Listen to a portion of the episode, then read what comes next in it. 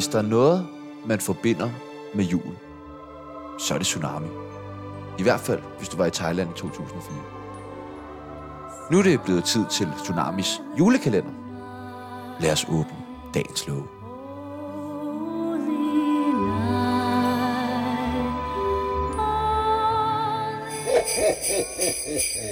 Merry Christmas.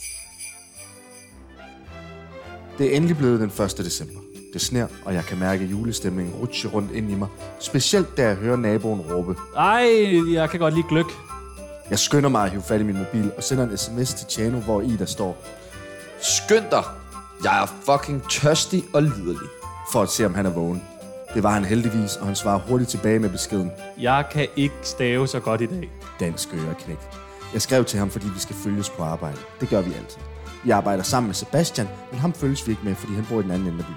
Det irriterer ham nogle gange, hvor I han indimellem siger, Æh, gid jeg dog havde et ulveslæde. for at afreagere.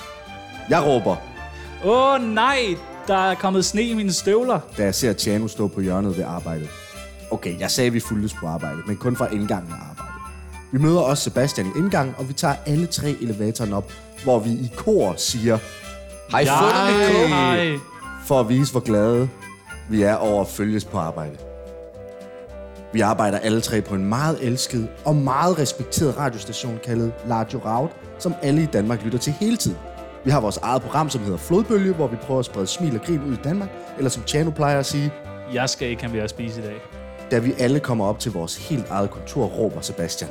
Og der er flæskestegsservice i kantinen. Han er helt vild og tårlig over juleoppyntningen, jeg lavede dagen inden, efter alle var gået hjem. Chano råber, Nu stopper det. Han var ikke helt så begejstret, fordi jeg havde fjernet hans stol til fordel for en halvanden meter høj julemandsskulptur, som siger, Ho, ho, ho. Hver Det gang. er ikke altid jul. hver gang man bevæger sig i nærheden af den. Vi får pebernødder, og Chano har selv taget hjemmebagte brunkær med. Da Sebastian smager dem, skriger han.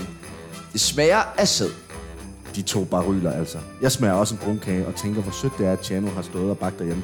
Vi går alle tre ind og sender så god radio, at selv Kirsten Birgit vil sige, Det var dog imponerende. Vi kommer ud og er i super godt humør, og jeg spørger, hvad de synes det bedste ved udtalelsen- udsendelsen var, hvor Tiziano siger, Jeg skal nok ikke have mere at spise alligevel. og man kan jo kun give ham ret. På vej tilbage til vores kontor bliver vi stoppet af en fan, som har brudt ind på radioen for at sige til os, Jeg elsker dig, Sebastian Pibel, så fuck de andre. men der svarer Chano bare tilbage. Åh, oh, hov, hov, Sebastian, kan vi lige få kammertonen? Vi kommer ned til kontoret. Det hele er super hyggeligt, indtil Sebastian laver lyden. Fordi han bliver forskrækket, da en stor sort skikkelse kigger frem bag vores whiteboard.